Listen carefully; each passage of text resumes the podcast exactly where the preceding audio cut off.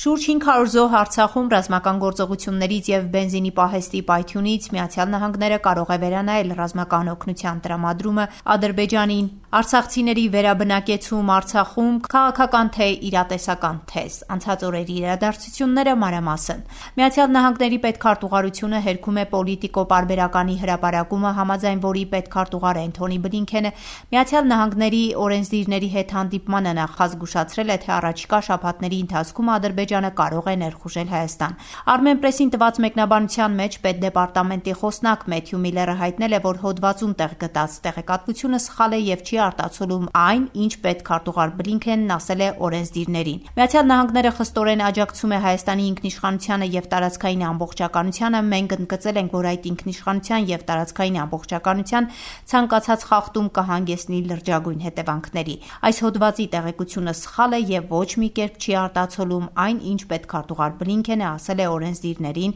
ասել է պետդեպարտամենտի խոսնակը։ Ամերիկյան Politico-ն գրել էր. Օրերս, որ պետքարտուղար Էնթոնի Բլինքենը անցած շաբաթ օրենսդիրների փոքր խմբին տեղեկացրել է, որ Վաշինգտոնն առաջիկա շաբաթներին չի բացառում Ադրբեջանի հնարավոր ներխուժումը Հայաստան, հղում անելով քննարկմանը ծանոթ երկու անանուն աղբյուրի։ Միավորված ազգերի կազմակերպության Մարդու իրավունքների խորհրդի 54-րդ նստաշրջանի շրջանակներում հոկտեմբերի 11-ին Լեռնային Ղարաբաղում մարդասիրական եւ մարդու իրավունքների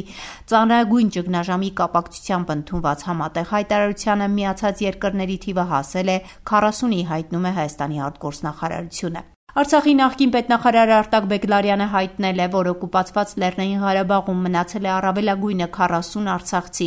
Արցախի ժողովուրդը բախվել է բռնապետական Ալիևի ռեժիմի կողմից իրականացված ցեղասպանության, ավելի քան 99.96%-ը բռնի տեղահանված է։ Ներկայում ադրբեջանական օկուպացիայի տակ է մնացել առավելագույնը 40 արցախցի, եւ նրանցից ոմանք էթնիկ հայեր չեն, ունեն ռուսական ծագում, հայտնել է Բեգլարյանը։ Խոստացված 100 հազար դրամները այսօրվա դրությամբ վճարված են Լեռնային Ղարաբաղից բռնի տեղահանված շուրջ 80 հազար շահառուի, տեղեկացրել է Հայաստանի վարչապետ Նիկոլ Փաշինյանը։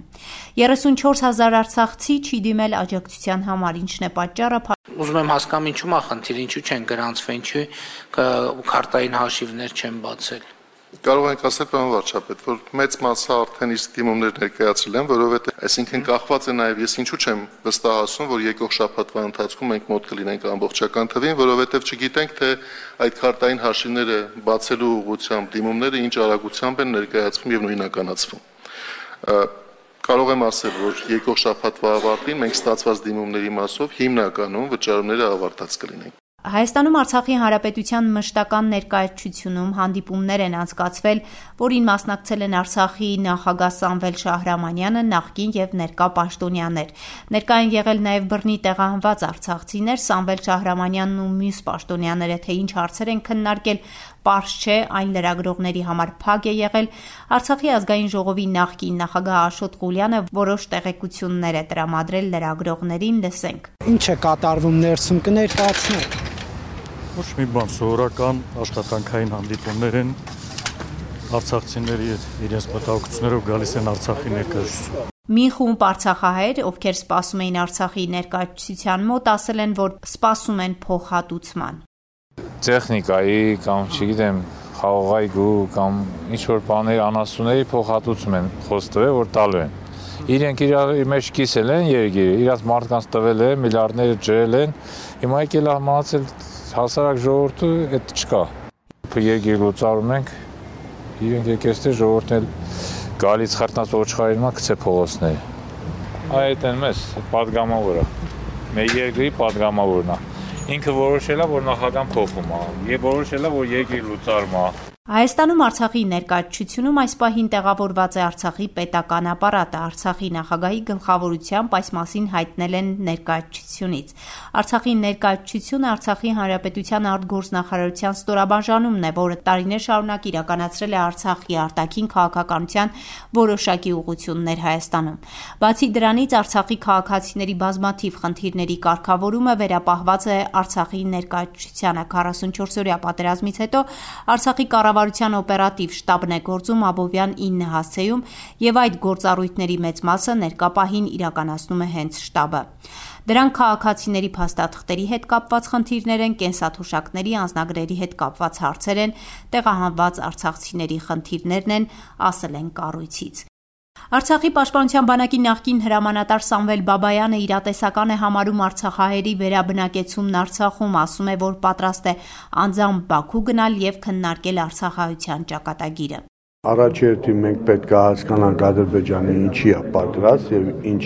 բանակցությունների է պատրաստ, այն ինչ որ մենք միջև այդ փաթեթը ուղարկել ենք, եթե դրա շրջանակում պատրաստ է բանակցություններ, ապա կասենք դրա մասին, այդ լիազորությունները կստանանք, կհասկանանք ում ենք տալիս եւ ովա բանակցելու։ Սամվել Բաբայանը չի մանրամասնում, թե ինչ փաթեթ է առաջարկում բանակցությունների համար, նշում է միայն, որ այն կազմված է 23 կետից, Արցախում արցախցիների վերաբնակեցման հավանականությունը չի բացառում, քաղաքագետ Ռոբերտ Ղևոնդյանը, սակայն ըստ նրա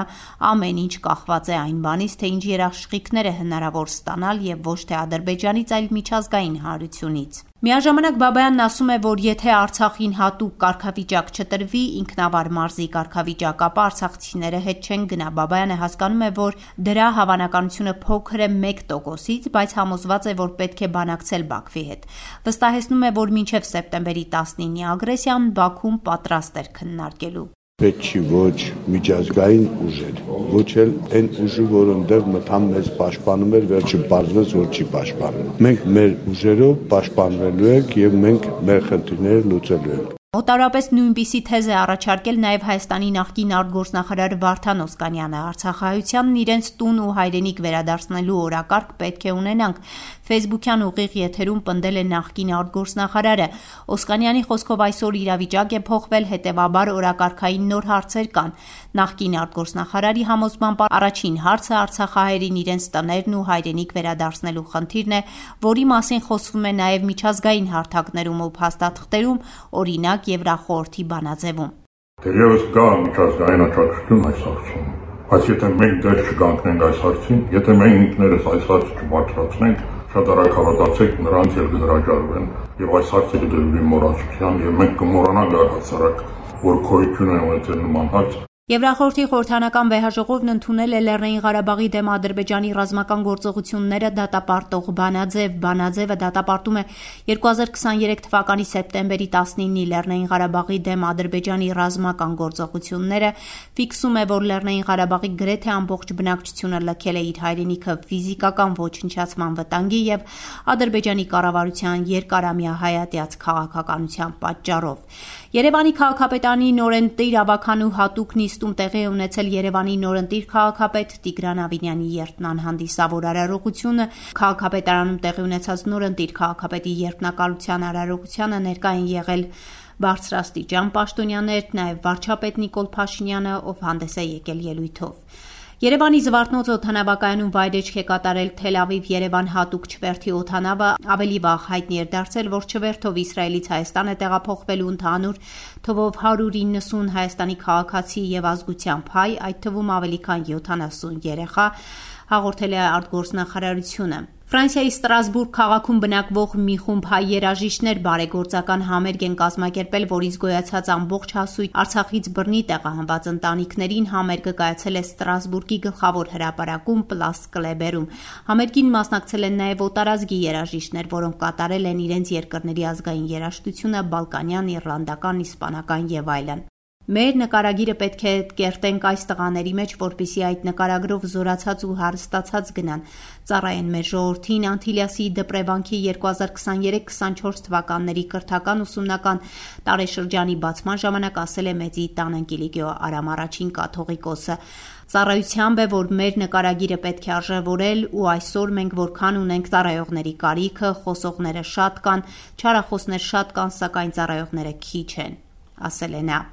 Հռոմի Ֆրանցիսկոս Պապը կոչ արել պաշտպանել եւ հարգել Լեռնային Ղարաբաղում վանքերը եւ կրոնական պաշտամունքի վայրերը տեղեկացնում է Վատիկան Նյուզը։ Լեռնային Ղարաբաղի ճգնաժամի վերաբերյալ իմ մտահոգությունը չի նվազել բացի փախստականների հումանիտար ծանր վիճակից։ Ես կցանկանայի այս տարածաշրջանում վանքերի եւ աղոթատեղիների պաշտպանության հատուկ կոչ անել։